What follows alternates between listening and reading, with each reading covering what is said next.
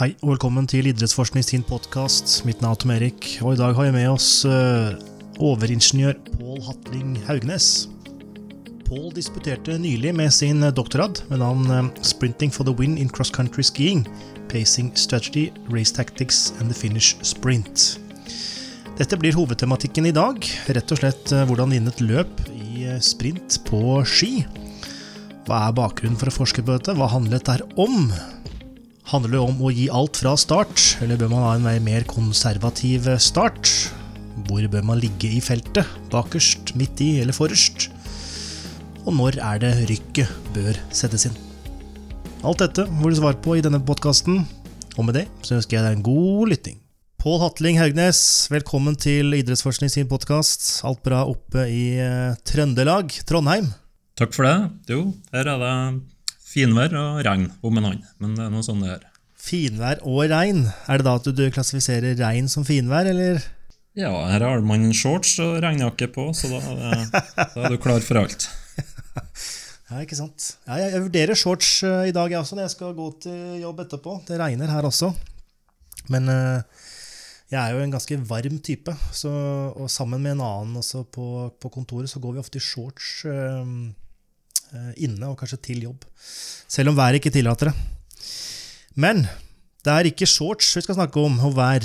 Eh, men det er eh, litt, litt langrenn, litt sprint, litt din doktorgrad, og litt forskjellig. For du er, eller du var doktorgradsstipendiat. Disputerte for ja, en snau uke siden, kanskje? Et par dager siden? På fredag så disputerte jeg. Nettopp. Og det gikk bra. I hvert fall ut ifra sosiale medier så så det ut det gikk bra. Fikk noe godkjent. Så, ja. ja. Det er det viktigste. Eh, den doktorgraden skal vi dykke litt eh, nærmere inn i. Men eh, den formelle tittelen din er at du er senioringeniør ved NTNU, og da Toppidrettssenteret for forskning. Hva er den formelle tittelen her? Senter for toppidrettsforskning på NTNU. Ah, nettopp, ja. Måtte snu litt om det. Så, i tradisjonstro i denne podkasten her, og bli litt kjent med våre gjester, så om du kan fortelle litt om deg sjøl i form av utdanning og jobb? Ja. 36 år, bor i Trondheim. Så for tida da, så er jeg et uh, veldig spennende prosjekt. Det er Energon arktiske feltrasjoner. Det er et uh, selskap Energon X sammen med NTNU og NMBU, FFI og Forsvaret og andre skal da utvikle nye feltrasjoner for Forsvaret. Både mat og emballasje. Mm. Og det er da senteret mitt, NTNU, Senter for toppidrettsforskning, er inne og skal støtte med testing da, av fysisk og mental yteevne. Men med emballasje? Eller hva, hvordan henger det sammen? Ja, Det vel ikke så mye detaljer jeg skal avsløre, da, men det er jo, du har jo emballasje rundt feltrasjon med maten, og så kan jo det gjøres på mange mulige måter. Så det er jo noe innovasjon der, da som gjør det bedre for soldatene i felt. Ja, ok. Ja, jeg er kjent med real turmat. Jeg er jo heimevernet sjøl, så jeg kjenner i den grønne boksen, hvis det er den du snakker om. ja. Nettopp. nettopp. Ja, men Det blir spennende om eh, Det kommer sikkert ikke inn i Heimevernet etter hvert, men eh, det tar sikkert en ti år før det kommer dit. Men uh, spennende uansett. Uh, ja, hva mer i forhold til uh, en større bakgrunn? Du har vel Forsvaret og ja, utdanningen din. Kom det Forsvaret først, eller var det utdanning først? Ja, Vi kan jo begynne der, da. Så, som forsker da, så er jo jeg litt eh, jeg utradisjonell, for jeg starta jo den andre enden. Så det er jo mange i miljøet mitt som har vært i toppidretten, mens jeg har vært i Forsvaret. da. Så jeg jobba i Telemark bataljon, og så har jeg da unik kamperfaring da, fra 2011, sommeren der. Eh, og så er fortsatt eh, sånn som deg, da, i Heimevernet. Så er jeg et skarpskytterlag der. Og så på fritida så har jeg starta opp forening da, med gamle kollegaer i Forsvaret og kjente i politiet, som da vi har kalt for Pakning på. Så Der bistår vi da ungdom som da trener til opptak og utdanning i Forsvaret og politiet. og i, ja, I år da, så har vi trent i underkant av 50 stykker. Tatt dem med f.eks. til Skottland, Vemork, Renaleir, arrangert en jentecamp da, på Oscarsborg festning utenfor Oslo. Mm. Så det er den eh, forsvarsbiten. Og så, i 2012, så begynte jeg på NTNU i Trondheim. Tok en bachelorgrad i bevegelsesvitenskap. Eh, så møtte jeg veilederne mine oppe i Granåsen her, da, i toppidrettssenteret. Eh, skrev litt om kombinert og brukt data fra både lab og utendørs. Syntes det var veldig spennende. Og på da masteroppgaven da, så var jeg igjen oppe i Granåsen her, da. Eh, og hadde noe vi kalte for utendørslab.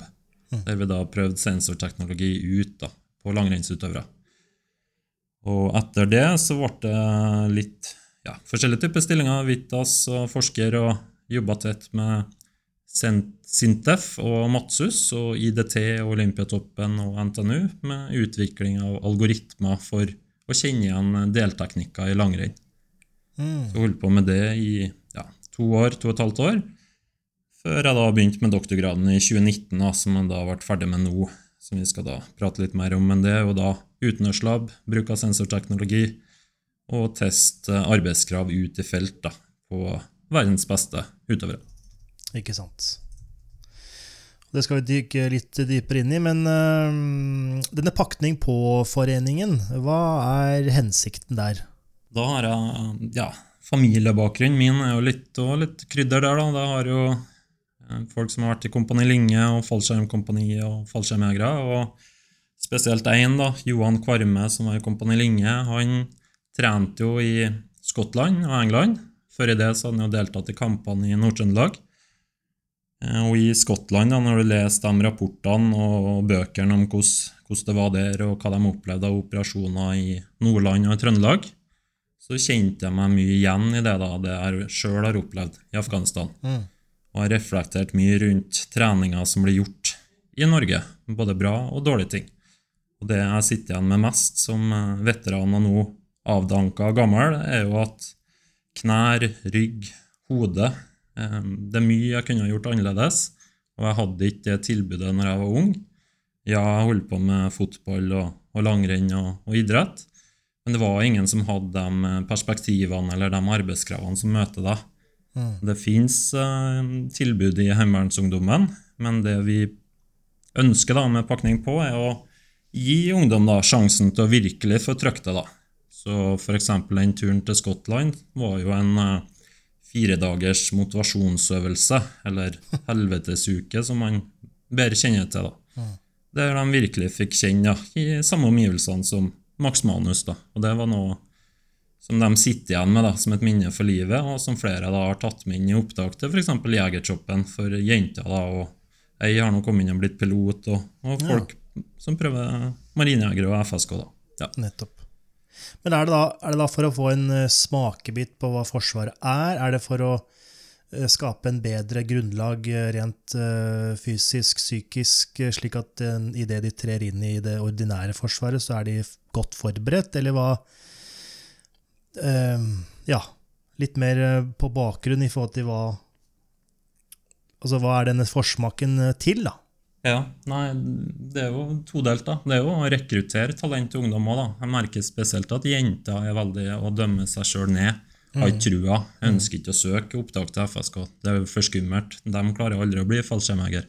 Så halve biten er jo å overtale og, og, og vise dem styrkene de har, og identifisere dem, både fysisk og mentalt, og påpeke, og gjennom da øvelser som vi kjenner igjen fra Forsvaret og politiet. Spesielt det med å være sammen med andre, og da ta eierskap i problemene, og sammen løse eh, problemene og krysse målstreken sammen. Mm. Så etter hvert, det tar ikke mange timene før de på en måte har skjønt det skuespillet og spillet da, som er på et, på et opptak. Du må vise hvem du er. Det er nå du har muligheten for instruktørene for å faktisk få plassen. da. Nettopp. Nettopp. Eh, Og det er litt det samme som eh, det vi skal prate om med doktorgraden. Det er jo det med å sensor og identifisere informasjon og ta til seg den informasjonen, forstå den og bruke den riktig. Så da gjør jeg egentlig praksis da, med pakning på med ungdommene. Nettopp. Eh, og hvis man eh, som lytter tenker at dette er interessant, eh, så er det jo første pri er jo å kontakte deg og slå av en prat om dette her. Men andrepri andre pri vil jo da være å eh, høre på både episode 81 i vår podkast, der vi snakker litt om eh, Canada versus Norge, og hvordan eh, Forsvaret opererer eh, både ordinære tropper og spesialtropper. Eh, Et eh, litt eh, noen perspektiver her, så har vi en episode som har kommet idet denne her episoden her kommer. eh, som vi snakker om eh, menneskelig yteevne med major Thomas eh, Valnes. Håper jeg sa navnet riktig. Så vi har en del forsvarsstoff som kan være med på å Som er litt i tråd med dine tanker i forhold til å ja, bygge opp flere individer, få både kvinner inn i Forsvaret og rett og slett også få de godt nok trent, og riktig trent, forhold til dette med menneskelig yteevne. Der kanskje noen trenger mer volum, mindre volum osv. Og, så og praktisere treningsprinsipp inn i Forsvaret også. Men det er jo litt vanskelig, som jeg også snakka med Thomas, at du snakker om helvetesuke. Og det er jo Hvis man bruker treningsprinsippet individualisering, eh, treningsprinsippet eh, progresjon i forhold til egne forutsetninger, så er jo kanskje det den uka eller de fire dagene har for stort volum. Men hensikten er kanskje mer det psykiske, eller? Ja, så det jeg har erfart i Afghanistan, er jo hvor glad jeg var for det man kaller da mestringsøvelse nå da i Forsvaret. Det å virkelig få kjenne hva jeg er god på, men mm. når er det jeg må rekke opp hånda og si at nå må jeg ha hjelp. Så for mange så kan det være lite søvn. Det er ikke tilfellet for meg. For meg var det mat. Så jeg har da vært veldig flink til å drikke Red Bull, ha i meg Snickers, alltid ha noen feltreaksjoner klar. da. Mm. Og Det er kanskje derfor jeg òg jobber i et prosjekt som har med mat eh, og yteevne. Ja. Eh, så det fikk jeg en, en skikkelig møte på veggen, da, eh, og gå på den. Ja. Så det, det, er jo typisk at man ikke skal spise blåbær, og at du får en stein i sekken som straff. Men eh, når det går fem dager og fem netter uten søvn, og du går rundt som en zombie, da, da kjenner du ikke deg sjøl lenger. Du vet ikke hvem du er. Mm. Så Det er òg litt med det pakning på, da, å faktisk få trent litt om natta og få kjent litt i trygge rammer da, når du er sliten. Ja, ja. Godt poeng. Greit. Da tenker jeg vi beveger oss til selve doktorgraden. Eh, mm. Navnet på den, eh, i hvert fall slik jeg kunne finne på nettet, er 'Sprinting for the win in cross country skiing'. Pacing, strat uh, pacing Strategy, Race Tactics and the Finish Sprint. Du har sikkert en norsk tittel også, men uh, engelsk er alltid mer litt fancy, vet du. Uh, det gjør men, seg på engelsk. Hæ? Ja, den gjør seg på engelsk. Ja, ikke sant. Hvordan vinne sprintlangrenn, eller noe sånt på norsk. da. Ja, ikke sant. Um, bakgrunnen for dette her, hva er, var, du, var, du, ekstra glad i å gå på Nato-planker i Forsvaret, eller jeg bruker kanskje ikke Nato-planke lenger, men var det noe av den bakgrunnen for å benytte seg eller eh, bruke eller eh, komme i gang med dette prosjektet? Jeg er jo fra Steinkjer, så der er det jo helt naturlig at man er glad i langrenn. Det er et utrolig ja, tradisjoner for ski, både langrenn og fjellski. og, det er Særlig innen polarekspedisjoner. Ah. Otto Sverdrup, f.eks., og Trana og en som het eh, Dittrichson fra Levanger var jo med Fridtjof Nansen på den første turen over Grønland, f.eks. Så veldig sånn stolte tradisjoner i Nord-Trøndelag på det med å, å, bruke ski da, og ut og, og ja, utforske verden. Så ski har alltid stått sentralt for meg. Og så på den eh, bachelor- og masteren så var jeg så heldig å ha Øyvind Sandbakk og Gertian Ettema som veiledere. Mm. Og ski er jo nasjonalsporten, og ski og langrenn er jo en del av vinteridrettene og det Senter for toppidrettsforskning skal satse på. Mm. Så det er jo sånn jeg kom inn i langrennsmiljøet og langrennsforskning. Og på den masteren, da, som jeg sa, så vekka det veldig nysgjerrigheten da, for hvordan de beste trener og presterer da, ut i felt. Mm. Og så har jo Norge, og særlig Skandinavia, da, over flere år vært stor innen um, ja, studier i lab, der du da kan kontrollere mye forhold. Og så var det da denne overgangen til å ta laben ut. da. Og her har jo han um, Jan Korsbakk vært en stor mentor. Så han er jo f.eks. kjent som han som har uh, revolusjonert orientering.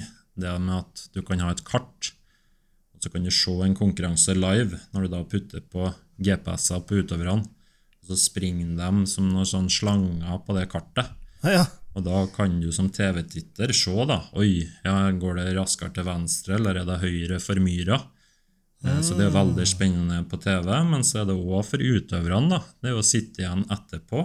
Det kan jo ha en sånn treningsøkt, simulere det, eller en konkurranse. da. Ja, skulle jeg sprunget til høyre da, for den myra?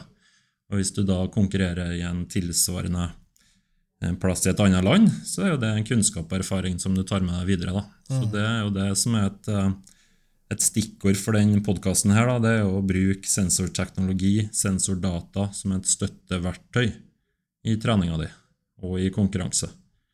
Det med å reflektere og ta inn over seg de eh, tingene som du kanskje ikke ser på TV, eller som kanskje treneren ikke ser fra sida, eller som du kanskje sjøl ikke tenker over.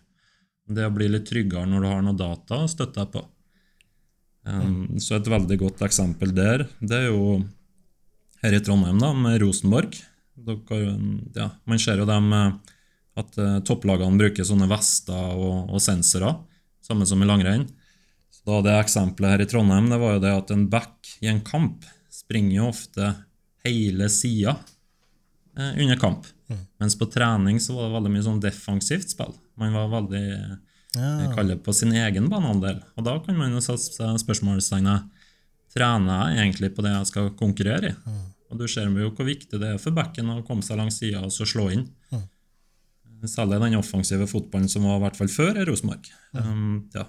Så det er noe man så, da, at gamle trenere kanskje satt spørsmålstegn med de sensorene og dataene, og så kommer forskningsmiljøet inn og utfordrer og viser kanskje et annet bilde. da. Um, var det samme uh, Var det samme mønster i langrenn og sprintlangrenn i forhold til at man ikke trente det man konkurrerte i? Eh, jeg kom jo litt seinere inn der, da, men det jeg sitter igjen med et bilde, var jo at det var mange av de beste utøverne som tok, tok i bruk her. Jeg var nysgjerrig, både utover og trenere. Og så var det noen etablerte løpere som ikke var så interessert og så nytten i det der. Mm. Og da særlig den eh, episoden eh, 'Vitenskapen bak medaljen' på NRK, der Øyvind og Jan og flere fra miljøet her da viser med eksempel da, hvordan du da kan ha rulleskiøkt, og så da se hvor du vinner og taper tid, de små sekundene, mm. bare med et staketak.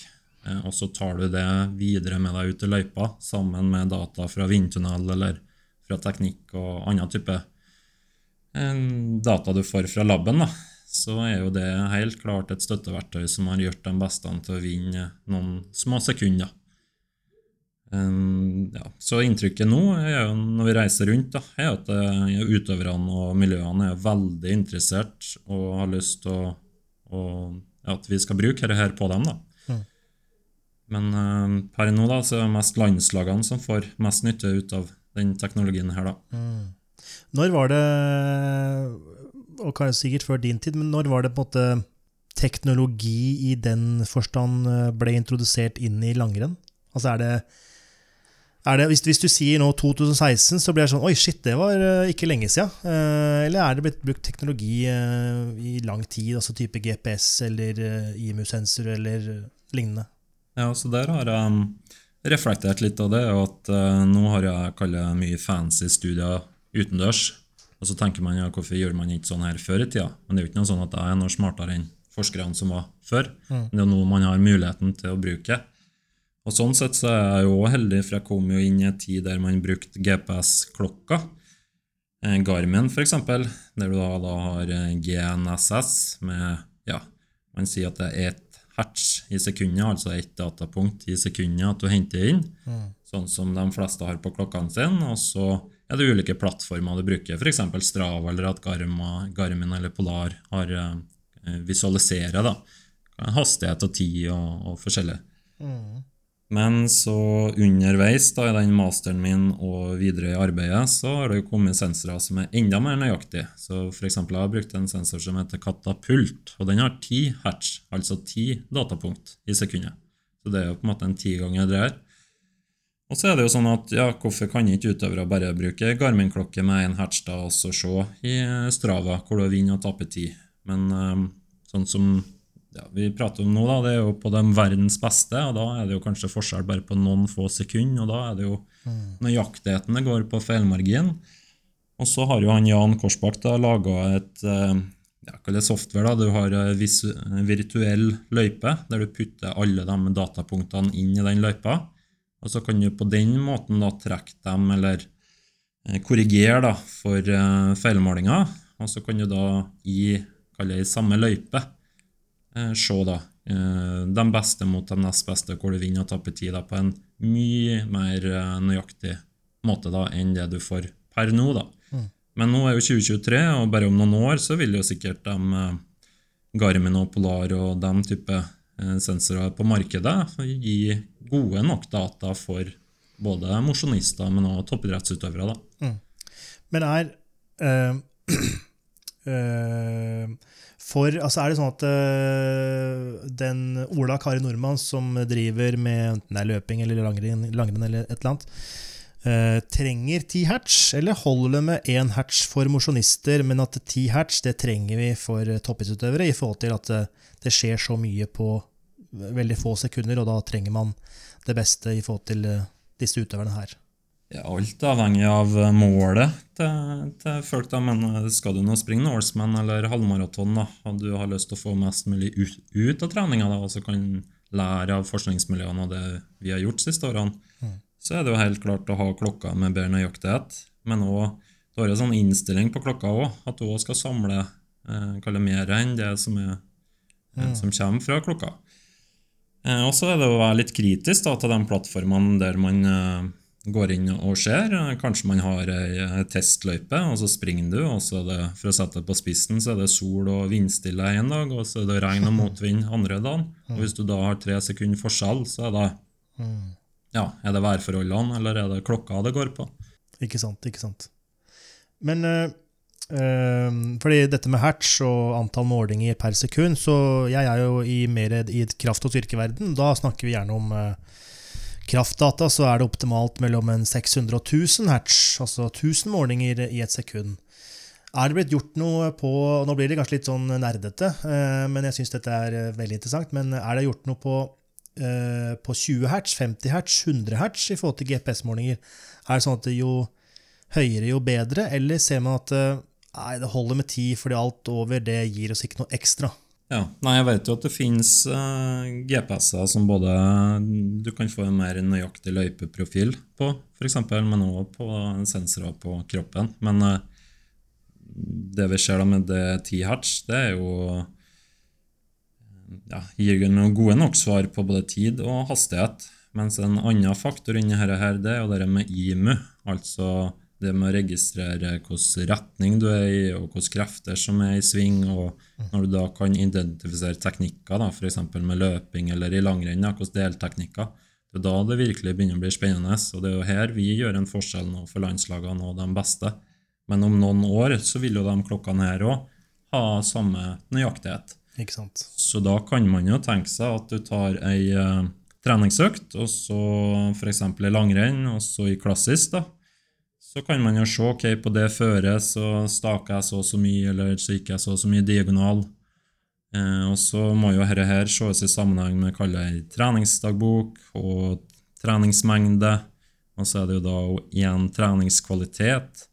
For da går det jo på ok, hvor mye restitusjon må jeg ha, hvor mye må jeg spise, hvordan skal jeg da balansere det med lav, moderat og høy intensitet.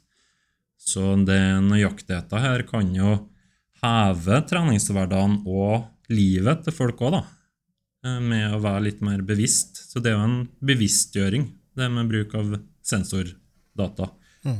Eh, Og for å knytte tilbake til bakgrunnen min da, med Forsvaret, så blir man jo kalt sensor i den type stilling jeg var i. F.eks. i Afghanistan da, så var jeg jo langt bak fiendens linje, og så ligger det da med optikk, og så var det jo å speide etter folk eller eh, landsbyer eller ting som skjedde. Og så skulle jo den informasjonen her da sendes videre, da, enten til dem som er i Tengson og skal skyte, eller skarpskyttere som var sammen med meg som skal skyte, men enda viktigere til de beslutningstagerne som da skulle ha informasjon fra dalføra. Um, og det er jo her det skiller, da. Det er jo det jeg sa. Det er evnen til å forstå og tolke og bruke de dataene. Eh, Så ja, for mosjonister, den bevisstgjøringa, men òg for ungdom som trener for å bli best, men òg for de beste. Bli klar over de små detaljene, så at du kan optimalisere da, treningshverdagen. Ja, helt klart. Helt klart. Det um, jeg, jeg, jeg kom på det, eller um, jeg tenkte på det, og jeg, jeg kjenner jo ikke langrenn så godt, og hvordan det gjøres, og hvordan man regner ut uh, volum og sånne ting, men det slo meg, og korriker meg hvis jeg tar feil, men uh, det slo meg at uh, Eh, når man da trener, og man trener gjerne da klassisk og skøyting, uh, og kanskje man gjør det samme økt, det vet jeg ikke om er vanlig, men eh, med den IMU-sensoren og med GPS så kan man regne ut hastighet. Jeg vet ikke om dere bruker hastighet i forhold til slags intensitetsmåler. Jo høyere hastighet, jo Eller det må ses i forhold til løypeprofilen, selvfølgelig. Men du kan på en måte regne ut volumet i klassisk og skøyting basert på de sensordataene du får inn og få et bedre bilde av totalbelastninga, antar jeg, og dermed eh, hva skal jeg si eh, bestemme veien videre i forhold til hva du trenger mer av eller mindre av, eller sånne type ting. Er jeg, på rett spor her nå? Og det som var så spennende med masteroppgaven min, for da tok vi jo de sensorene her ut i felten, og så hadde utøverne lavintensitet, moderat og høyintensitetsøkt i gradasen her, da, i langrennsløype. Og den er ganske krevende og hard. Og da var på en måte forskningsspørsmålet, da, eller det vi antok, da, det er jo det at langrenn er jo egentlig intervalltrening. Uansett om det er lav, moderat eller høy, fordi terrenget går jo opp og ned. Mm. Dermed går jo hastighet og hjerterateprofilene opp og ned. Eh, og dermed må utøverne tilpasse farta, f.eks. i oppoverbakker når det går lavintensitet. Så det er ja, da du ser at noen så vidt nesten padler opp bakken, da, for de måtte være forsiktige med å ikke gå over den grensa. Og det med knytta opp mot PAD-en, det er jo det med å ta noen referanseverdier på hvor rask du er da, på flatt og i, i oppoverbakke. Mm. Så du da går det raskeste du klarer, og så måler vi den farta. Og så gjorde vi det samme da med den farta du da hadde på lav, moderat og høy. Og det vi så, da, det var jo at på flatt så går de relativt veldig fort. Og trene den kalde konkurranseteknikken. da. Hvis vi tar skøyting her nå på flatt, at man går med dobbeldans f.eks. Mens i eh, oppoverbakken så så vi jo det at den teknikken var jo helt annerledes, fordi at man må gå så rolig. Og da er jo det spennende det du var inne på, det der med å kartlegge. Ja, hvor mye går du de teknikkene i de stillartene i ulike intensitetssoner? Det er jo her vi begynner å virkelig snakke treningsdagbok, i stedet for å bare si tid eller distanse eller eh, Ja, her, her var en to timers skøyteøkt lavintensitet kanskje ja. man sa før. Men ok, men hva er det, da, hvis mm. man skal være nerd? da? Og Her er det viktig da, at vi forskerne eh, stiller de spørsmålene og presenterer de dataene. Og så er det jo opp til treneren å balansere eller nyansere dette med utøveren sin og se det i et lengre perspektiv eller smartere perspektiv. For du kan jo ikke Hadde jeg presentert alle de dataene og detaljene til utøveren, så blir det jo det blir for mye. Det blir for overload. Ja, det blir overload, ja. Det, det er helt klart. Men uh hvis vi skal gå litt systematisk til verks i, i din doktorgrad, som består av tre studier um, Og vanlig oppbygging er jo da gjerne noe akutt, uh, og så tar man det man finner i det akutte, og så prøver man å se i dette mer longitudinelt, eller ja, i en intervensjon. Um, men kan du si noe om oppbygningen i din eh, doktorgrad? Altså, hva begynte du med, og hvordan henger disse tre studiene sammen? De, hvilken historie er det de forteller? Ja, så I den første studien er man utendørs og har et eksperiment. Da tester man en eh, prolog og hvordan, ja, hvordan fart er det du egentlig går med på et oppløp. Det var hovedpoenget i den første. Og den eh, nummer to da er det en ekte konkurranse der man går inn og ser. Og den tredje da følger opp den toeren med å se på 16 konkurranser. Så for å ta første først, så hadde vi klassisk og skøyteteknikk eh, i de prologene. Eh, og i hver en prolog da, så ble utøverne instruert til å gå med en eh, rolig start, en mer sånn taktisk lur start. Spar litt energi i starten, og så heller øke mer etter hvert. Mens i den andre, da, den litt hardere positive, da skulle de gå maks ut fra start. Mm. Eh, og sånn sett så er ikke den hvis man ser sånn i ettertid, så er jo ikke den prologen helt optimalt. Det er jo kanskje ikke sånn de ville løst i en ekte konkurranse. Men hovedpoenget med den studien det var altså å ta ut referanseverdier på den siste 80 meterne, på den sluttspurten, og så se i prosent hva er det det egentlig går i en konkurranse på slutten.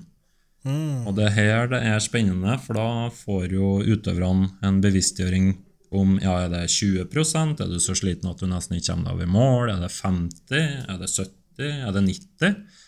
Så det vi fant ut, at ca. 85% da, de utøverne her hadde maks da, i begge stilarter. Og det er litt spennende når man skal trene på en sluttspurt, for da må man jo trene seg litt sliten, da, sånn at man bruker den slitne teknikken inn måten. Ja, nettopp. Og så sprinte med tretthet må øves på, rett og slett. Ja. Ja, nettopp. Ja, det gir Mm, mening. Så når vi driver og prater om sensorteknologi, da, så var jo dette her en studie der vi brukte en eh, Garmin GPS-klokka med en hatch. og så hadde vi jo høyere oppløsning da på oppløpet, for da hadde vi fotoceller, så det var 1000 hatch på dem med et okay. kamera. Og sånn sett også gikk vi inn på teknikken, da, fordi i langrenn ja, så har du jo staver som du må ha frekvens med armene, og så har du jo beina da med skien. Og så sammenligner vi også staking med skøyting. Så I staking så står du jo med skien i sporet og bruker armene med frekvens for å skape fremdrift. Mens i skøyting så bruker du jo både eh, med å pushe med føtter og ski, men også med armene. da. Eh, Og det vi da så med å bruke de dataene på referanseverdiene og det du da fikk på sluttspurten, er jo at det er frekvensen som forklarer reduksjon i fart. Ok, Eh, ja. Fordi at det tar jo så kort tid. Det er 0,2 sekunder cirka, mellom hvert et stavtak. Så det er en sånn lessons learned til utøverne når de da skal trene. Ok, trene i sliten tilstand, kom inn på oppløpet, og så må jeg jobbe da med frekvensen og ha opp den da, for å ja, pushe seg fortest mulig inn i mål. Nettopp, nettopp. Ja, men det gir uh, absolutt mening. Og så var det den uh, du nevnte litt, men dette med For du har jo en, uh, en figur, en, et, et søylediagram, som på en måte dette med conservative pacing og positive pacing. Og da var det i forhold til denne taktiske starten og denne mer all out-starten, var det ikke slik? Jo, så der er det jo tenkt mer i heat, da. Eh, ok, Lønner det seg å åpne rolig, og så på en måte avslutte eh, fort? Og hva er konsekvensen hvis eh, det heat, eller da finalen, går veldig fort fra starten av? Hva er da konsekvensen av det? Når du da skal spurte sliten inn til mål, da. Ja, for det er øh, Mulig jeg mis- misforstår deg nå, og øh, jeg skal ikke prøve å foregripe øh, studie 3, men er dette litt i strid med studie 3, øh, som vi skal, selv skal komme inn på? Men her er det jo en taktisk start er bedre, også i forhold til finish sprint speed, men det å legge seg for langt bak er dumt igjen i forhold til din studie 3. Der er det jo et eh, viktig poeng da, som jeg diskuterte nettopp med en eh, veilederen. da. Det er at det man ser på TV og tenker, og spesielt som nordmann, vi som ser f.eks. Klæbo som da eh, konkurrerer mot to eller tre inn mot oppløpet, så er vi veldig fokusert mot oppløpet. Men det vi så i den eh, studien her, og den bevisstgjøringa vi hadde som forskere, det er jo litt hva er det som skjer lenger bak i heatet. Det er jo kampen for å bli nummer tre eller fire, lucky loser, eller det med å kjempe seg for å bli nummer to, for å da gå videre til neste runde. Så det er sånn jeg ble nysgjerrig da, på dere, hva er det som skjer i de finalene og den posisjoneringa som vi da har sett på i studie to og tre. Ja. Um, så det er jo da motivasjon og rasjonale for å da gå inn i en ordentlig konkurranse. Bruke den teknologien som vi hadde fra før, med å bruke GPS, men å knytte sammen med posisjonering og passering. Og det her eh, som er nybrottsarbeid i den eh, doktorgraden her, er at vi har da brukt TV-bilder til å fastslå posisjonering. Så manuelt så har jeg da sett flere hundre timer. Eh, og man kan jo fly litt eller sette spørsmålstegn med det, men eh, arbeidet er jo brukt av landslaget og sprintlandslaget, der vi sammen med Olympiatoppen da, har presentert analyser av hvordan renn har vært før i tida.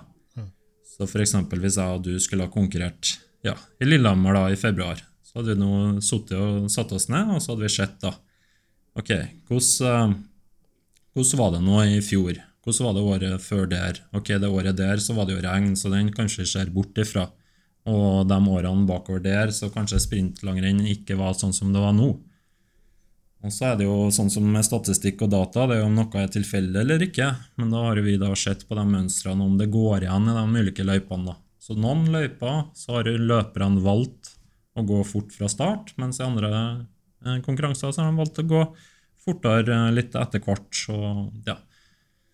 Så det er um, derfor vi gjorde det med studie to, da, posisjonering. Um, og da um, har vi da knytta, som sagt, hvor uh, man taper tid i forhold til vinneren av heatet, hvordan hastighetene var, og hvordan variasjon i ja, hvordan posisjon man hadde.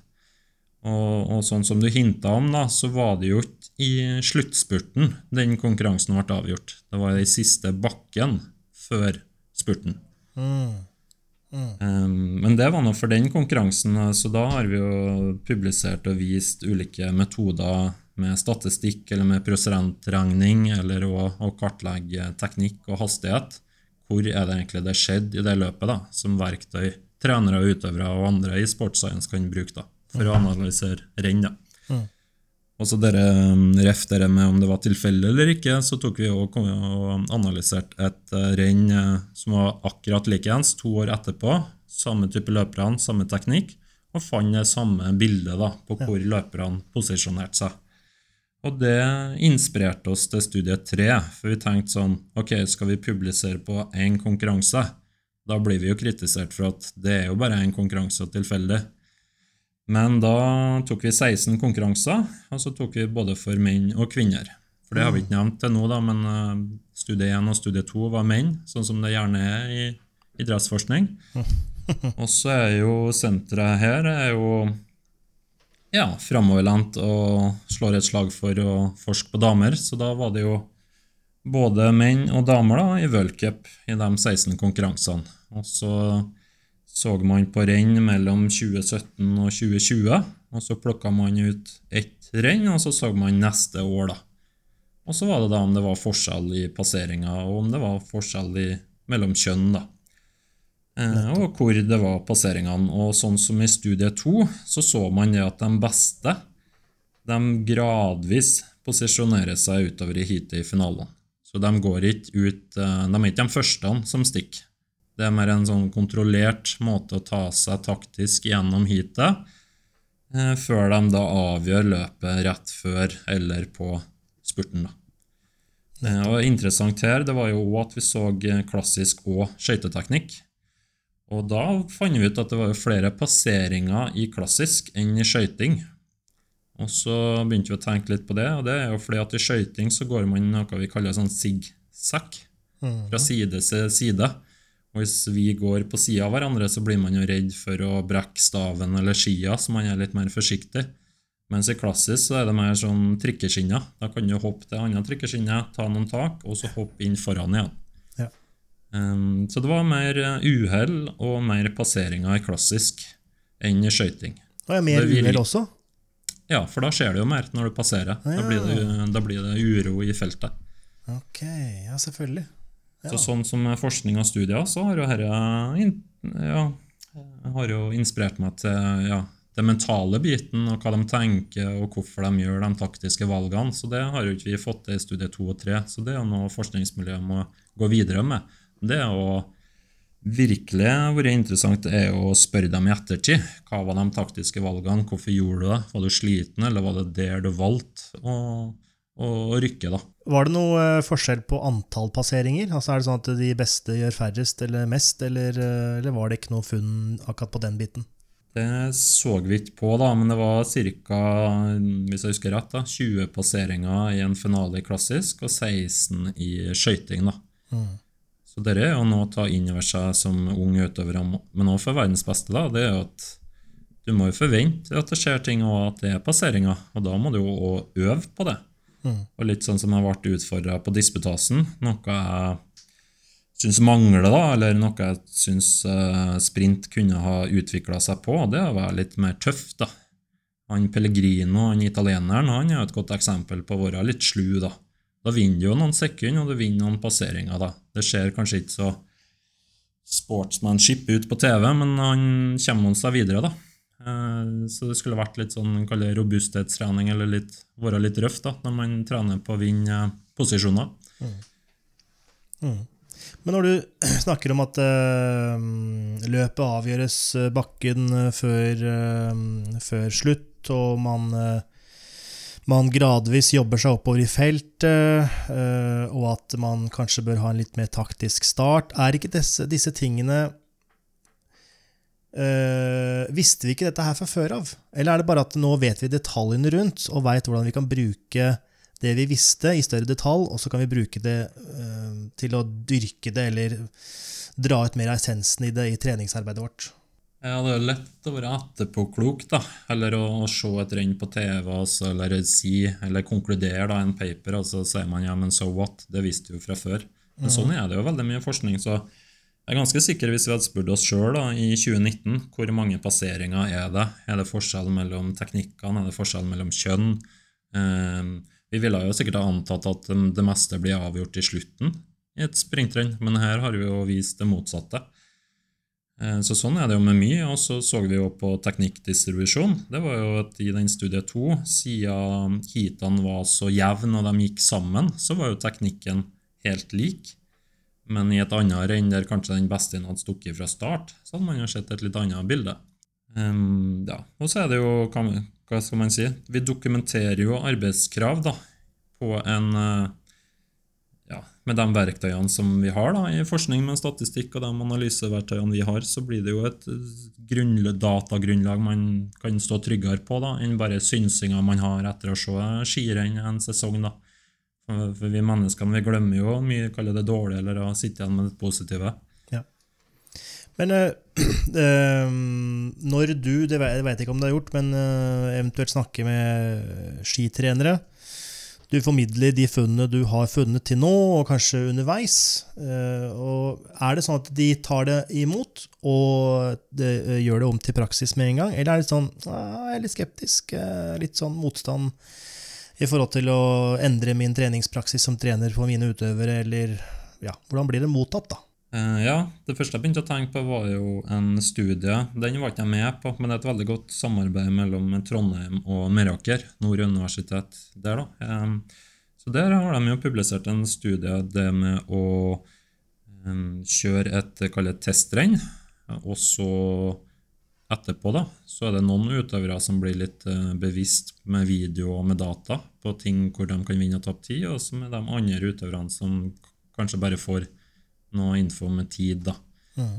Eh, og der ser man jo det at utøverne ble litt mer bevisste på hvordan du teknisk skal løse oppgaver. da, Oppover og flatt og nedover. Um, og jeg vil si da at uh, Når man jobber med landslag og de trenerne, så er det jo en grunn for at de er der. De er jo veldig nysgjerrige på de små detaljene og ting som kan gjøres bedre, eller teste ut ting. Så det er jo noen øyne som lyser opp på uh, folk som har lyst til å, å ta i bruk det. Um, så jeg er nå så heldig da å jobbe med han Jan Korsbakk da, og Øyvind Sandbakk, uh, som da har uh, tilgang da, til langrennsmiljøet og landslagene. Og når da Jan etter et renn presenterer, da, så sitter jo hele landslaget og utøverne og diskuterer og ser i detalj da, hvor de kan uh, bli bedre. Da. Så det er et, i hvert fall i Norge, da, er det jo et veldig bra samhandling med forskere og og utøverne. Mm, mm. Veit du om noen eksempler på konkret endring i trenings treningsarbeidet ditt basert på dine funn? Mm. det var en utøver som eh, ble intervjua på TV etter at han vant et renn. Og Da sa han jo da at han hadde jo blitt uh, gjort oppmerksom på hva en uh, russer hadde gjort uh, ja. tidligere. Så at han hadde lært av det og måtte trykka til sånn som han hadde gjort. Så Det var grunnen til at han vant det rennet. Så om det var analysen min, eller om han faktisk da huska det rennet, det vet ikke jeg. Men det, det var noe sånn eh, ja, og Jan og Øyvind hadde anbefalt at de skulle gjøre det, da. Nettopp. Ja, ja, Så jeg tror vi har gjort en forskjell, da. Ja, ikke sant.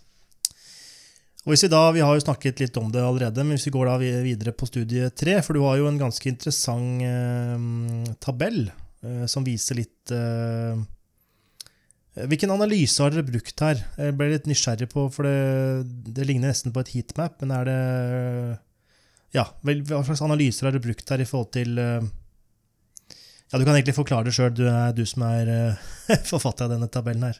Så um, ja, det, som jeg sa på disputasen, så du kan jo gå veldig i detalj og matematisk og se på tallene. Men eh, som utøver og trener så kan du også se på fargekodene. Så det vi har gjort, er at eh, jo mer det stemmer at de beste vinner eller posisjonerer seg i front, så blir det grønnere og grønnere. Så helt til slutt da, i den tabellen så er det at det er jo åtte heat, og dermed vil du ha åtte heatvinnere. Så hvis du tar åtte og åtte, så er det jo 100% på den siste. Så da er den helt grønn og 100% Men hvis jeg husker rett i den tabellen, i starten, ut av stadion, så var det vel om det var én eller to utøvere av de åtte heatvinnerne som lå eh, sånn som det er i den tabellen, så, så blir det jo da si to av åtte. Og da blir jo ikke prosenten 100. Eh, så sånn sett kan du regne da hele tida fra én til åtte hvor mange som da er i den eh, ranken. da. Nettopp, ja. Ok, sånn, ja. Ja, fordi For meg så virker det som at det er Det er jo den gradvis altså Du bør ligge i uh, nummer én eller nummer to, virker det for meg. Også basert på Hvis man i hvert fall ønsker en uh, grønn farge, uh, som da er høyere prosent, da. Og så beveger man seg til gul, som er lavere prosent, og så rød, som er eh, Det er vel egentlig rød er vel null. Oransje er ganske lite. Så det virker, litt, ja, det virker litt sånn at du bør ligge eh, i front. Ja, men det er gradvis at du skal i front. Så, ja. så, hvis du hadde tenkt at du må ligge i front, så hadde jo alle vært i front. Du ja. ser jo det at på tallene så er det kanskje én eller to eller tre, eller kanskje fire òg, som ikke ligger tett. Så det er jo poenget med den tabellen, eller ja, det er at man ser da, at de gradvis posisjonerer seg framover. Fordi det var en studie tidligere fra Sverige. De hadde publisert et eksperiment med noen utøvere som da gikk. Og i den studien så var det litt forskjell på de utøverne, der de ja, antatt beste de gikk ifra fra start og, og styrte og leda feltet og vant heatet. Og da satt vi og tenkte at ja, men dette stemmer jo ikke helt med det vi ser på TV. For det er jo noen ganger at de beste kanskje ligger som tre eller fire, og så velger de å, å trykke det. Og det handler jo litt om sånn som med sykling òg, å spare krefter med å ligge bak. Mm. Så er det jo ofte med langrenn at det glir, da. Det er jo kanskje litt dumt å være han første inn som da jobber mot vind eller mot uh, nysnø som legger seg. Så det vil jo kanskje lønne seg da å ligge to og tre, og så time litt med den farta den effekten du får med å ligge bak, og så trykke det i den bakken. Mm. Og Det er jo i motbakka man ser i langrenn at det virkelig skiller den beste med den nest beste. da. Ja, ja absolutt. Det er veldig interessant. Uh, ikke at jeg er en langrennsutøver. Uh, det er jo kanskje en av de idrettene jeg er dårligst på. Men uh, interessant for de som driver langrenn. men hvis du hadde gjort denne analysen for ti år siden, fordi idretten, også alle idretter, de utvikler seg jo med tanke på taktikk og teknikk og utstyr og sånne ting. Hadde du gjort denne analysen for ti år siden, hadde du funnet det samme? Nei, sprintlangrenn har veldig utvikla seg, særlig ja. for kvinner. Så der er det mye jevnere nå. Så hvis man tar YouTube og så søker seg noen år tilbake, så er det jo spesielt noen utøvere som utmerker seg og ja, styrer heatene og vinner, kan du si. Og da var det heller ikke så spennende. Eh, så, så ja, menn det har vel alltid vært jevnt der. Eh, men spesielt nå, da, så er det jo i sprintlangrenn er det jo utøvere som har spesialisert seg på sprint. Så det går jo litt på treningsmengde, at du kanskje skal trykke det litt mer og være litt sterkere, da. Eh, og med og taktisk, og, og, at du ja, faktisk trener på de heatene og, og kanskje korte løyper. Og, og, så er det det med å ha pauser mellom heat òg. Recovery er jo viktig. Mm. Um, Absolutt.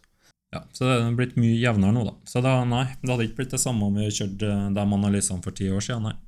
Det hvis, eh, eller Grunnen til at jeg spør, er jo når en idrett er i utvikling, og såpass mye utvikling som har vært i denne idretten, hva skjer da om ti år? Vil dine funn fortsatt være eh, brukende eller valide i forhold til at man bør bruke Eh, den taktikken eh, ligge i front gradvis fremover, osv. Det er selvfølgelig eh, Vi drar frem spåkula her nå. Det er alltid vanskelig å dra frem det og se inn i fremtiden. Men hva er dine tanker rundt, om, rundt det? Ja, det var en diskusjon om å ikke redde langrenn, men at for å gjøre TV-bildene mer spennende og med sponsorer og lære litt fra skiskyting og andre idretter. så kunne man jo tenkt seg i sprint da, at eh, si at man har noen eh, runder du går, og så kanskje du detter av som sistemann. Sånn at du må alltid være posisjonert som i hvert fall fem, da, så at du ikke er nummer seks. Det hadde jo forandra idretten. Ja, Så- sånn, ja.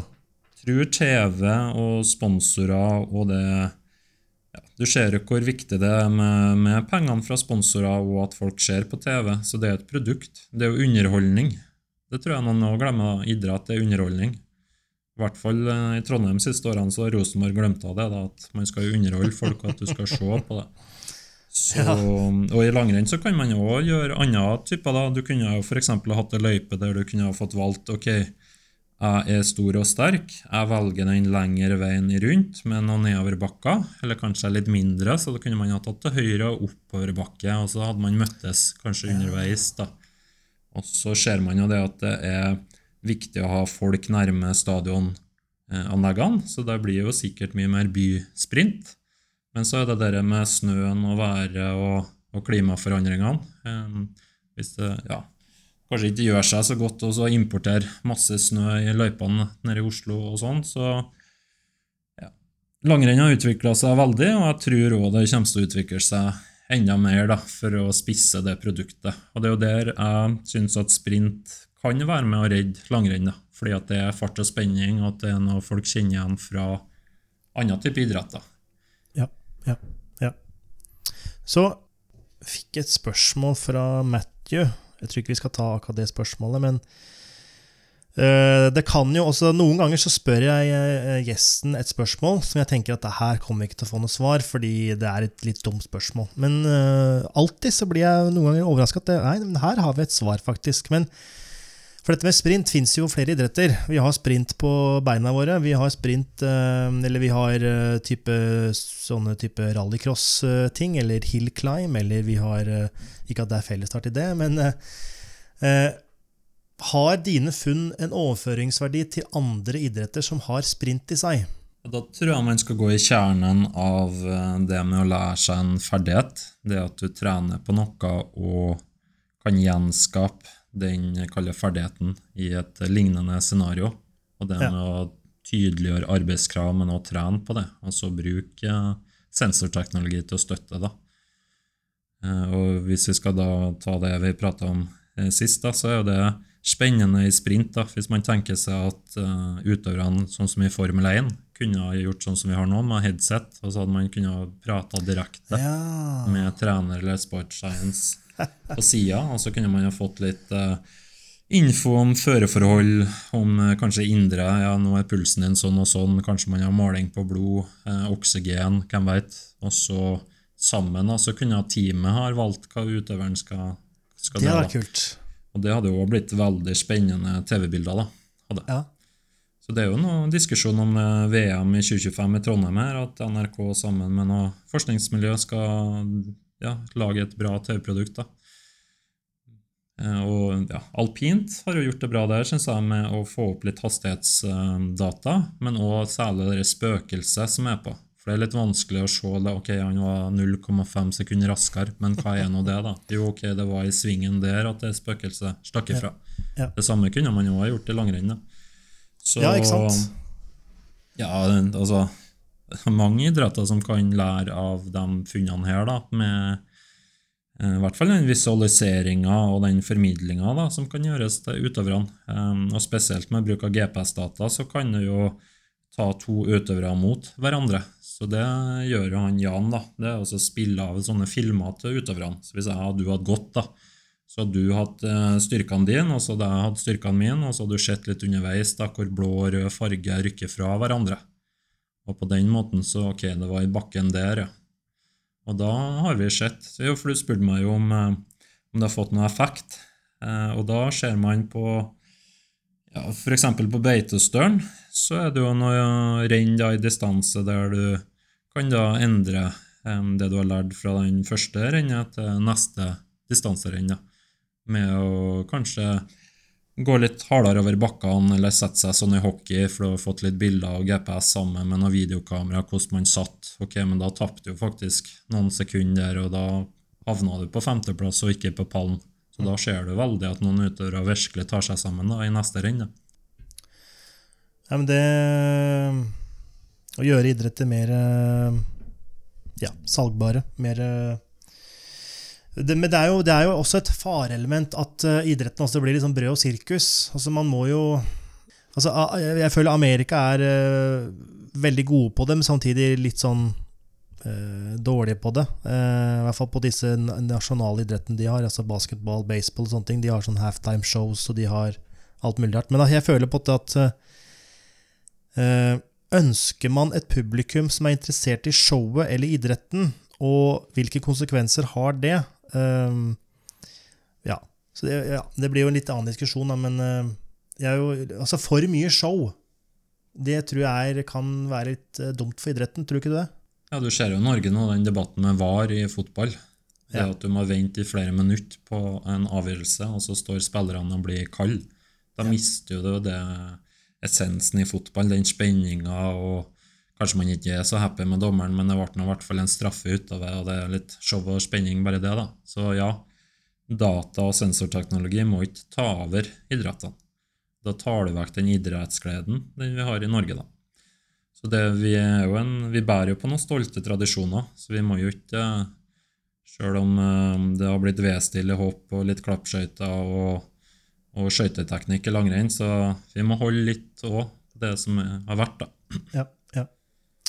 Men uh, mikrofon på utøverne til uh, treneren, det, det stemmer jeg på, for det hørtes veldig spennende ut. Det hadde vært dritkult. uh, det hadde vært veldig artig. Greit. Um, da har vi egentlig gjennom din doktorgrad. Og så er det flere ting vi burde løfte opp fra din doktorgrad og dine funn her, tenker du? Jeg har et sitat da, i den kappa i den doktorgraden, så hvis du oversetter til norsk, så er det et sentralt, da, syns jeg, da, det er at hvis du har funnet ut hvorfor, så kan du gjøre hva som helst det er hvis man setter seg de spørsmålene som utøver og trener eller som forsker. Uh, så jeg hadde et bilde da på den disputasen med en elefant. Og Da står det et forskerteam som står helt inntil elefanten og tar på kanskje foten eller snabelen, så man skjønner ikke helt hva det er. Men hvis du da tar det steget tilbake ja. og ser det store bildet Det er sånn jeg syns man skal tolke og lese den doktorgraden og den studien og utendørslab og det vi gjør i Trondheim. da. Vi må se det i et større bilde ja, det var en konkurranse, og så blir det noen eksempel, og så var det i den bakken man rykker. Så man må være litt klar over at vi òg skjønner at ok, so what, eller noen sånne enkle konklusjoner. Men jo flere sånne studier som kommer over en større tidsperiode, det er sånn vi som forskningsmiljø kan være med å støtte og hjelpe da. Toppidrettsutøvere med den infoen de trenger. da. Veldig, veldig godt sagt. Jeg tror alle bør zoome litt ut og se Eh, og hva skal jeg si uh, Bruke bitene og sette de sammen, rett og slett. Og ikke tenke at uh, den ene biten er verdiløs fordi du mangler alle de andre bitene, men at disse her hører sammen med, med, andre studier, og at man ser det helhetlige bildet, tenker jeg er viktig, viktig beskjed. Ja, jeg brøt deg der, men bare for å ta den fra elefant, så kan man gå over til en mammut. Så da har han forsvarssjefen Erik Kristoffersen, når han ble spurt om hvordan du skulle se på opptaket i Forsvaret når han skulle i FSK, så var det jo det at hvis du blir spurt om å spise en hel mammut, så har du jo ikke mulighet til det. Men hvis du tar én og én bit, så får du til å spise den. Litt er det i treningsarbeid òg. Du må ha delkomponenter av trening. Gjør det over tid, sett det sammen. Det er sånn du blir god, da. Nei, men good. Uh, da er vi igjennom. Uh, er det noe helt på tampen vi burde ta opp? Nei, det var det kanskje noen gang Jeg blir så ivrig at jeg avbrøt deg noen gang, men det får du sikkert til å trikse og mikse, og så er det vel det meg et nøtteskall, så det må vel komme fram på lyd, det, da. Nei, det, det, det, går helt fint. Altså, ivrighet er velkommen i podkasten her. Siste post på programmet uh, er sosiale medier. Mm. Og det er jo for å Hvis folk vil eh, følge deg og din virksomhet videre, hvor er du å finne på den digitale eteren? Ja, NTNU har jo en fin sånn profilside der du lett kan se publikasjoner, og så er det noe som heter Kristin, der du da blir rangert. Så du kan jo gå inn og se der òg. Så har jeg jo en eh, Instagram, som er litt av privat karakter, men òg med forskninga. Og så er det jo LinkedIn, har jeg jo begynt å eh, poste ting, da. Som jeg gjør både med pakning på, men òg med NTNU, da. Ja. Så er det jo noe som heter ResearchGate. Der kan du jo trykke inn og få eh, tilgang til de artiklene. Ja, ResearchGate er noe hakket mer sexy enn Kristin, eh, tenker jeg. Og eh, ikke noe Twitter. Nei, det har ikke jeg. Før så hadde ikke jeg Instagram heller. Jeg har vært litt sånn mot det. Men jeg ser jo det at med formidling og, og del og, og det du gjør, så blir det mye spennende diskusjoner, og du blir kjent med folk. og ja. Så det er jo et visst ansvar òg. Når man gjør ting, så skal jo samfunnet og dem rundt deg få, få lære Yes. å se det du gjør. Ja. Forskningsformidling er viktig, og eh, Twitter er jo Jeg vil si, hvis man skal dra frem en app som er uh, stor, så vil jeg si at Twitter er nok størst uh, innenfor høyere utdanning og uh, publisering av studier eller tweeter eh, til eh, lenker til studier og sånne ting. Insta er, eh, føler jeg, Insta er også veldig bra, eh, men den brukes mer som en slags eh, eh, tolkningsportal av eh, forskningen, altså flere aktører som oss da, eh, tar forskningen og lager en podkast rundt det, eller andre lager figurer eh, eller eh, infographics rundt det, eller eh, lager rett og slett poster da, som tar for seg ja, nå kom det en ny metaanalyse, se hva den fant, aktig. Så jeg føler Insta og Twitter er begge gode arenaer, så her er det bare å komme seg på Twitter. Gjør det. Nei, men good.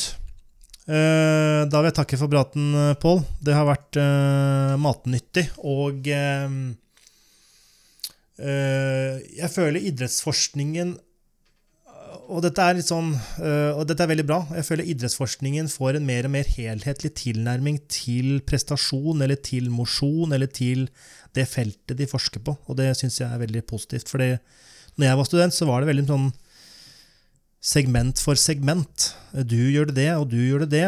Og uten å se hele bildet. Så jeg føler at idrettsforskningen er på vei fremover og blir mer holistisk, og jeg føler du er en del av eh, det. Så det er bra.